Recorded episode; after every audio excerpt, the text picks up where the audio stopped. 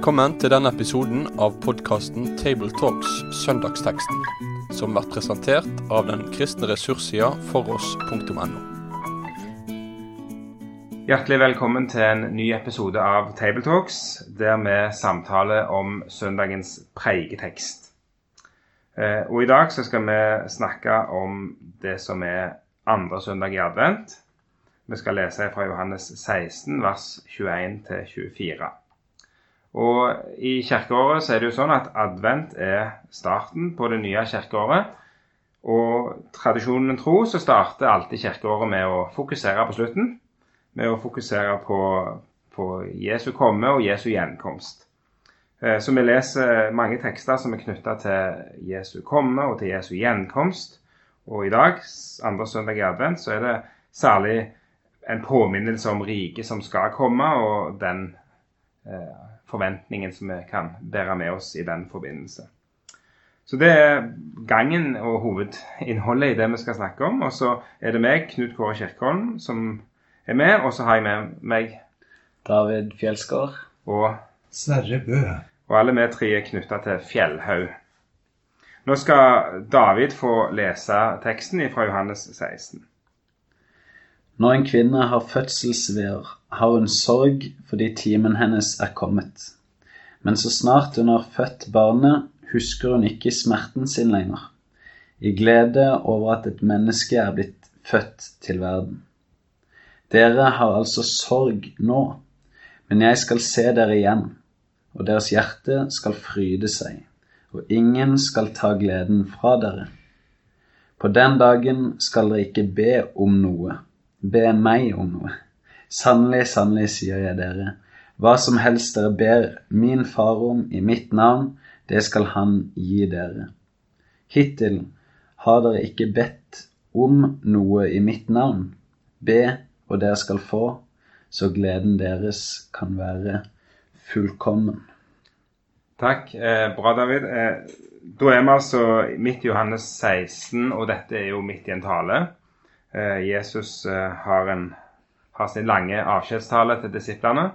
Og det som i alle fall jeg alltid sitter igjen med når jeg leser denne talen, er jo at her ja, hva skal jeg si, Jesus han, han gjør det ikke så veldig lett for disiplene. Eh, han snakker litt kryptisk. Han snakker f.eks. om en liten stund og så, ja, i vers 16. Hva betyr det? Betyr det hans døde oppstandelse, eller er det noe enda større? Hans gjenkomst og hans himmelfart? Jeg tror gjerne ikke disiplene ble så kloke, de heller. Nei, men det går an å lese det litt med begge de perspektivene. Jesus talte disse tingene skjærtorsdag eller kvelden før eller tirsdagen. Eh, så vi er helt oppunder påsken, dramatikken. Eh, og så sitter vi og leser de 2000 år etterpå. Er den lille stunden blitt lengre enn eh, noen kunne tenke seg? Og så sitter vi fremdeles med en forventning om at han kommer snart. Den dagen kommer, da skal. Mm. Så det lever med oss, og slik er det jo i veldig mange bibeltekster. Yes, Og her brukes jo et bilde av fødsel, og det er for så vidt et bilde som dukker flere plasser i Bibelen, og er vel som vanligvis knytta til overgang, og det er vel knytta òg til at eh, la oss si, tida kommer, riket bryter inn, eh, og en fødsel er vel en uunngåelig hendelse. når en, Og, og ei, fødende kvinne har, vel, har i veldig liten grad kontroll over den. Den kommer når den kommer. Eh, enten det passer eller ikke, enten det skjer om natta eller om det skjer om dagen. Så, og, og, sånn er det gjerne at vi, vi, styrer heller ikke over Guds timing og når disse tingene skal skje. Eh, har vi andre tekster, eh, altså Roman 8, der er vi iallfall inne på, på riket som kommer. I Matteus 1928 så, så bruker Jesus også uttrykket 'når verden skal fødes på ny'. Ja. Eh, når menneskesønnen mm. kommer tilbake igjen. Mm. Så der er bildet med fødsel knytta direkte til hans gjenkomst. Sånn som det kanskje ligger litt i vår tekst òg. Mm. Og I Det gamle testamentet har vi vel òg noen lignende tekster som, som jeg sjekket iallfall Jesaja 66. Der var det om, om eh, Jerusalems framtid når Herrens frelsestid kommer det òg var fødselsbegrepet brukt. Så vi, vi, vi, finner det en del plasser òg her. Og så er det jo ganske mange steder at um, endetidstekster snakker om de trengslene som skal komme. og bruker uttrykket veer. Ja. Mm. Disse sammentrekningene som en fødende kvinne har, som gjør så fryktelig vondt, og som driver fosteret fram. Barnet skal snart fødes. Eh, De kommer støtvis, og som mange kvinner har sagt, når det gjør så vondt at du tror 'nå skal jeg dø', da er plutselig barnet født. Ja. Altså den intensiveringen og Dette er sterke bilder for de av oss som har fått oppleve Ja, alle har jo opplevd å bli født, men jeg har far til fem barn og har fått følge min kone gjennom 25 timer med veer fram til fødselen fem ganger. Mm. Det gjør et uutslettelig inntrykk. Og det er altså uttrykksmåten Bibelen bruker med når hele verden skal ha det så røft og så vondt som en kvinne har rett før en fødsel. Da er det det store skal skje. Og så bruker han et slikt bilde om hele verden fram mot dette. Og da er det jo engstelse som er dette ordet som uh, brukes. Uh, det er vel en del engstelse i vår tid. Hva tenker du om det, David? Har du Jo, det, det er jeg helt enig i.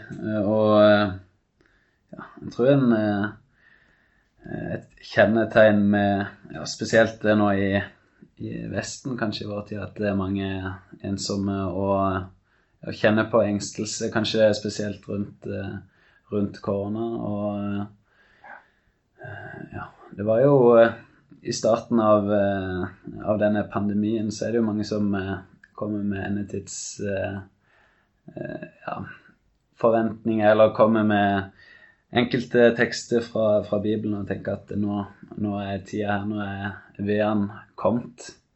Og det er jo en interessant eh, ja, vinkling på, på denne teksten. Og så er det jo, som du sier, Knut Kåre, at det eh, man kan se det med en eh, sånn dobbelthet òg. For eksempel. i konteksten rundt her så snakker Jesus mye om Den hellige ånd mm. og Den hellige ånds komme. Det går an å ja, og jeg tolke det inn i, inn i lys av det, at eh, denne sorgen eh, over at Jesus er borte, eh, skal snus til glede når jeg kommer til dere, som Jesus sier i kapittel 14. Mm. Og så var det jo ja, konkret engstelse den kvelden, men, òg eh, denne engstelsen som eh, Vi kan sikkert også lese inn den engstelsen som, som du nevner, altså enten det er korona og pandemi eller det er eh, miljø. Nå er vi akkurat lagt bak oss eh, flere uker med masse miljøstoff fra Mm. konferanser om, om det, og, og, og eh, ganske eh, dramatisk dommedagsforkynnelse, vil jeg egentlig påstå. Mm. Og masse engstelse i den forbindelse. Eh, og hvordan skal vi tenke egentlig om det? Altså, vi, på ene siden så tror vi jo på en ny himmel og en ny jord. Eh, og det er jo en forventning. Og så har vi et ansvar for å forvalte og ta vare på den skapning skaperverk vi har. Og så eh, kan vi ikke kapitulere heller, selv om at vi tror på en, en forandring, en ny himmel en ny jord. Jeg syns det er tankevekkende å lese de første to-tre sidene av Bibelen og se oppdraget Gud ga mm. om å være fruktbare, om å fylle jorden, legge den under oss. Og så står det 'råde over den'. Vi er forvaltere. Og det er et uttrykk som dukker opp om igjen og om igjen i Jesu lignelser. Av en forvalter så kreves det klokskap. Du skal stelle med det sånn at det er i god stand. Mm. Har Gud gitt oss en hel verden som han har lagt et sånt vanvittig arbeid i, ned i minste detalj, i hver celle, i hvert atom, og bedt oss om å skulle råde over det, så står jeg til ansvar for Gud for at jeg gjør det på en klok måte. Mm. Og hvis jeg bare plyndrer det etter øyeblikkets nytelse, så kommer jeg jo i sterk strid. Så slik sett så syns jeg Bibelen selv legger et betydelig eh, forvalteransvar på meg. Mm. Og likevel ikke på en sånn måte at det er dette som skal redde vår evighet. For en dag skal Gud rulle sammen hele den verden vi har, som et utslitt klesplagg. Og så skal det komme en ny himmel og en ny jord stige ned fra himmelen. Men det betyr ikke at vi gjør som en dårlig forvalter inntil den dagen, og vi vet ikke hvilken dag det kommer. Og da, på, på hele poenget vil å kunne lufte fram at det er ingen motsetning mellom å lufte fram forvalteransvar og samtidig håpet. Og det er ofte det som gjerne kan skje, da. Ja, både håpet, men rett og slett dommen også. Ja, faktisk. I Mm. Johannes' åpenbaring 11, vers 18, så står det at når dommen kommer, Da skal han ødelegge dem som ødelegger jorden. Det høres jo nesten sånn moderne klimaforskning ut. Men altså, det er formuleringen på gresk, og den står sånn i våre norske bibler. Og det er også en side av ansvaret og en side av dommen. Vi skal svare Gud, ikke bare neste generasjon, for hvordan vi har gjort dette.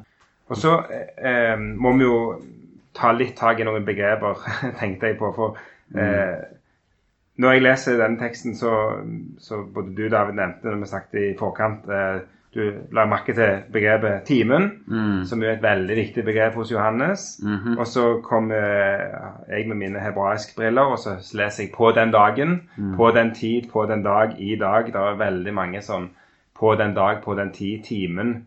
Eh, Det er en timing her, helt åpenbart. Eh, og jeg pleier ofte å definere for min egen del når, i Det gamle testamentet, når det tales om Herrens dag, det er liksom dagen der Herren griper inn til dom og frelse. Begge deler er med. eh, Og Herrens dag eh, refererer ofte til flere, det er flere dimensjoner i Det kan være Israels historie, nærme historie der og da. Det kan være Jesus, det kan være enden. Det er liksom Ja. mange lag i disse begrepene, og timen er jo òg et sånt et begrep hos Johannes.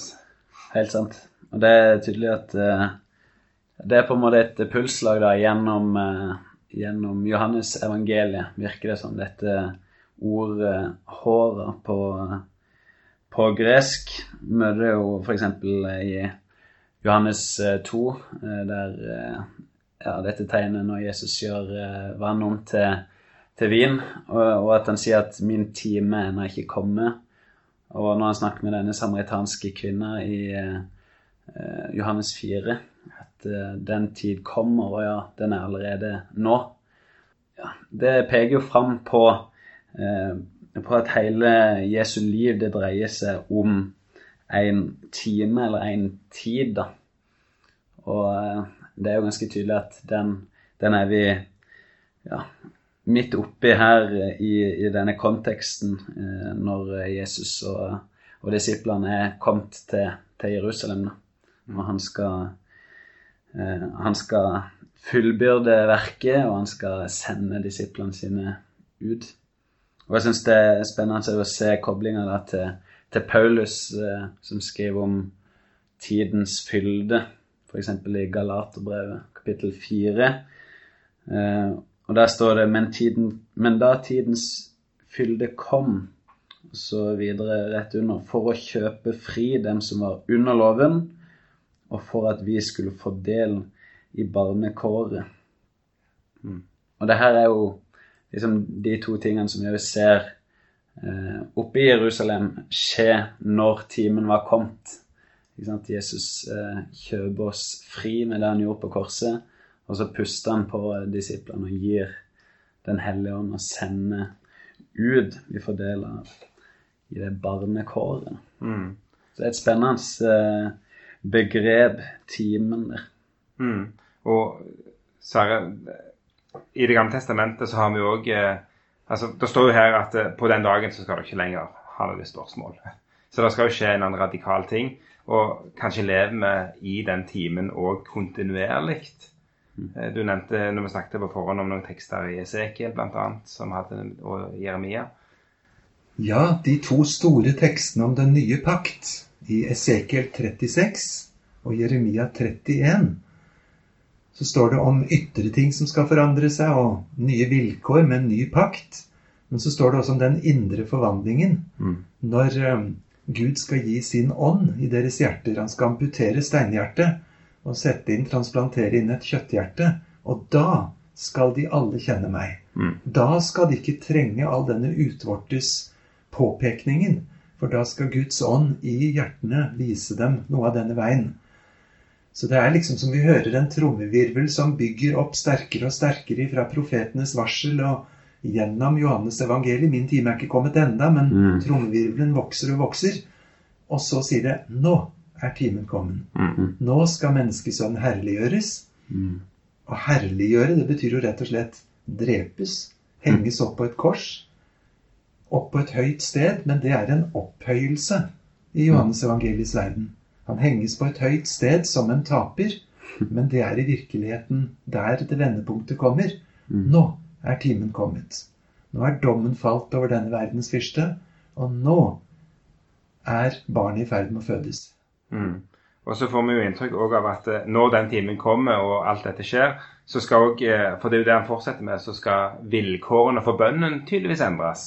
Mm. Eh, For det innføres noe helt nytt, bønn i, bønn i Jesu navn. Mm. Eh, og det knyttes sterke løfter, og det tales flere plasser eh, om, med, med løfter til denne bønnen. Så det er akkurat som det skjer en endring der òg, i, i bønnen. Sant? Eh, Jeg syns det virker som at uh, her mens Jesus var på jorda, så ba ikke disiplene til, til Faderen i Jesu navn. Uh, Men nå, nå sier Jesus at eh, dette, dette skal dere gjøre. Og så er det en eh, ja, Det virker som det er noe som ligger, ligger foran, at det står i imperativ og i, i futurum, hvis jeg ikke husker feil. At det er noe de skal gjøre Mm, videre. en befaling og en slags Det kommer til å skje. Ja. Ja. Mm. Mm. Skjønner. Dette med å be i mitt navn er jo et veldig spennende uttrykk. Hva er det nye i det? Mm. Og en fryktelig enkel og banal og misforståelig forklaring. Hvis du sitter med en grei konto i banken, og du har fått et plastikkort som du kan putte inn i en minibank, men så var det dette med PIN-koden. Det er ikke så mye hjelp i å vifte med et vakkert oransje kort fra banken din og påstå at det er god dekning. Men har du fått PIN-koden, så har du plutselig anledning. Nå kan dette misforstås veldig, men PIN-koden det er vel Jesu navn. Mm. Altså, det er ikke bare et generelt løfte. Mm. Men jeg ber ikke på grunnlag av min fromhet og hva jeg har opparbeidet på konto. Men han har gitt meg sin PIN-kode, så er jeg rett inne. Mm. Og da kan det være betimelig å minne om at Jeshua, dette navnet som Jesus tross alt bærer, er jo Herrens frelse, direkte oversatt. Og jeg har mer enn én en gang eh, latt meg eh, glede og fascinere når jeg har eh, når vi har jobba med hebraiskundervisning og kommet til tekster der det tales om Guds Jeshua, og så er det Guds frelse det skal oversettes med, men så er det jo så åpenbart at det, Mm. denne frelsen er jo faktisk en person. Det jo, og, og det er jo i samsvar med det, da, i samsvar med han og hans gjerning, og hans person og alt han har gjort. Eh, PIN-koden er jo det. Mhm. Så det er en veldig fin ting eh, å, å ha med seg på, på det, det punktet, da. Eh, hvordan skal vi forstå dette her med at eh, eh, Hvis dere ber far, så skal han gi eh, For det gjør han jo ikke alltid. Han sa jo nei av og til. Mm. Ja, heldigvis. Hvis eh, noen hadde skrevet ned alt jeg har kommet på å be om gjennom eh, noen og 60 år, og konfrontert meg med hva jeg ba Gud om å få, så må jeg jo skamme meg inderlig eh, over hvor menneskelig, kjødelig, kortsiktig jeg ba. Og mange ganger så kan jeg jo ikke annet enn å takke og love Gud for at han ikke ga meg det jeg i min dumskap har bedt han om. Mm. Så det er veldig godt at vi har en allmektig far som vet å svare nei når vi spør som dummest. For et bønnesvar som vi er veldig opptatt av, det kan jo teknisk sett føre oss helt bort, altså fordi vi ber galt for å øde de våre lyster. Mm. Og eh, ja, det er rikelige eksempler på det. Bare tenk på da Peter ba kanskje den frommeste og mest ydmyke bønnen han noen gang ba i hele sitt liv, etter den store fiskefangsten. Da sa han, Herre, gå fra meg, for jeg er en syndig mann. Tenk om Jesus hadde sagt at det var pent og ydmykt sagt, Peter. Nå skal jeg gi deg gleden av at du skal få et bønnesvar resten av livet. Jeg lover å bli borte og aldri dukke opp i din nærhet igjen. Eh, For det er sant som du sier, vi passer ikke helt sammen. Ville det vært et bønnesvar? Var det ikke et mye, mye større svar at Jesus kan forvandle Peter, gjøre ham til en menneskefisker og gå med han alle dager og dele en hel evighet med han? Men det han ba om, var at Jesus skulle forsvinne. Eh, Og jeg har nok bedt like dumt mange ganger selv. Godt poeng, eh, det med å, å be rett. At det, vi må jo se det i den sammenheng. og at det, det er, jo ikke, det er jo ikke poenget her at Gud er en automat. Hvis du bare har den rette mantraen, den rette formelen når du ber, så bare genereres svar på løpende bånd. Det, Mm. det er mer i spill enn det, da. Mhm. Så det handler vel primært om at eh, fokuset er vel gjerne det å be Jesu navn. Eh, og da handler det òg om at du er si, kobla på rett kilde. Og, Mm. og eh, så står det vel òg om Ånden som kommer oss til hjelp når vi ber på tullete vis. da. Mm. Og gjerne fikse litt på de bønnene våre, eller et eller annet sånt. Mm. Så det er vel noe å få der òg, da. Og det er jo godt å vite at, eh, at det er sånn. -hmm. Mm. Vi går imot eh, en avrunding allerede. Eh, og det jeg alltid pleier å spørre om eh, avslutningsvis, er jo Hvis du skulle talt over denne teksten Mm. Her er det masse poenger, vi har snakket om veldig mye. Mm. David, eh, hva, er det noe du tenker åh, det skulle jeg veldig gjerne likt å få formidla? Mm. Det er et uh, godt spørsmål. Jeg ønsker, når jeg taler, da, å uh, være opptatt av det å eksegere tekst, ikke eisegere. uh, og samtidig til slutt da, eh, ja, gi noen eh, poeng som man gjerne kan ta med seg inn i, inn i hverdag. Jeg tror kanskje det poenget jeg hadde eh, lagt mest vekt på her, er kanskje det jeg nevnte i stad med timen. Kobla det til, eh, til det Jesus gjorde på korset. Jeg ønsker alltid å løfte fram evangeliet tydelig, men òg koble det opp med det som dere nevner med at, at det kan ses på ulike vis her, da. Eh, Og så tror jeg jeg ville kobla opp da til slutt med eh, inn i hverdag, f.eks. det å eh, Det med bønn, det å gå i, gå i tro til Gud. Eh, ja. Det tror jeg er noen av de poengene. Og kanskje spesielt det med, med timen, koble det til korset og til, til det at eh, Jesus har sendt sin Hellige Ånd til oss. Ja. Og du, Sverre, hvis du skulle prekt over denne teksten? Jeg tenker litt på hva som skjedde med en gang pandemien slo til for snart to år siden. Eh, Det var mye som svartna, og håpet brast for mange. Og så lærte barnehagebarna mange steder å tegne en vakker regnbue. Og for en gangs skyld kanskje nettopp hentet de fra Guds løfte. Tilbake i Noah vannflommen. Men iallfall så kom påskriften 'Alt blir bra'. Og det var vakkert skrevet, og jeg tror det har vært et positivt oppmuntring for mange. Men i åndelig mening så blir det en kortslutning. Mm. For alt blir faktisk ikke bra. Alt er på vei mot et klimaks og det store skillet når Herren selv skal sortere. Eh, Før det skjer, så vil det være trengsler og plager. Eh, Rett og slett plager, sier Johannes' åpenbaring. Det er plagsomt, og det er plage. Dere har sorg, dere er engstelige. Hvis jeg skulle forkynne over denne teksten, så ville det ligge meg på hjertet å ikke trøste et hvilket som helst menneske med et hvilket som helst håp at alt blir bra, men å kalle inn for Herrens ansikt og spørre har jeg det fra Hans munn? Har jeg vært hos Han og fått høre Hans frifinnelsesdom over meg som er en synder? Og har jeg vært der og fått høre det fra ham, så blir alt bra. Da er vi på vei dit hvor gleden skal bryte løs. Men også denne teksten må munne ut i et klart kall til dem som ikke har vært hos Gud og fått høre det fra hans egen munn, men som lever på avstand og tenker at de håper alt ordner seg. Det er tid for å søke til Gud, så en er klar for den dagen som en gang skal komme. Mm. Ja, viktig eh, å ha med det, motiv det perspektivet. Det er jo Mhm. adventen som har denne her Både den umiddelbare, at han kom i, kommer til deg i dag, men òg at han kom igjen.